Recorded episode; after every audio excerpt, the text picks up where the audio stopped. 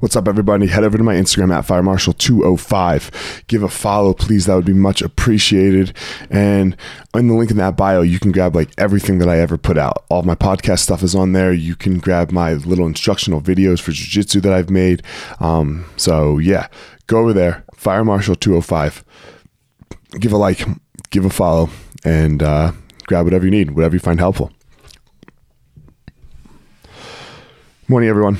So this one, uh, this one kind of goes hand in hand with parenting a little. Um, you have to do what you say.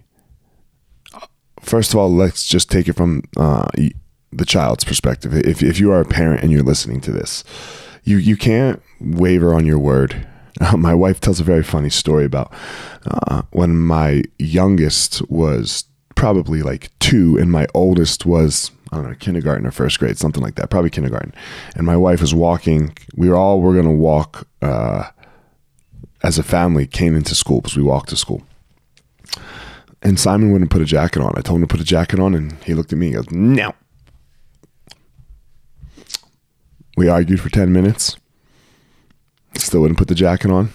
My wife walked there and back, so forty minutes. And when she came back, Simon and I were in the driveway, just standing there, still still fighting because he wanted to go, and I mean, I wasn't really fighting; we just weren't going. And and she makes fun of me for this because she's like, Jesus Christ, just let him walk to school or with us. And and in my opinion, no, no, I can't lose that battle. I, I, I can't. I'm not allowed. Even I could be wrong. I could have handled it wrong. No one was in danger, obviously, right? But I can't lose that fucking battle because this is what I said, and he's got to learn that that boom, this if I say it, it happens.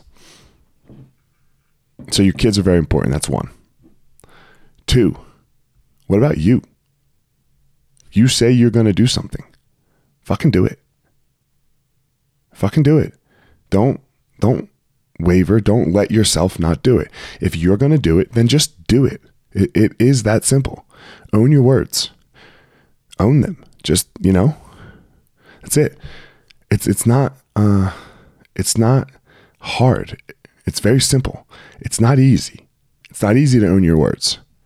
But if you say you're going to do it, get it done. Don't ever let the two not not match. Because it's just like your kids. Once you let it slip, once once you let your once your kids know that no doesn't mean once your kids once your kids know K N O W that no does not mean no N O then they get they just fuck with you.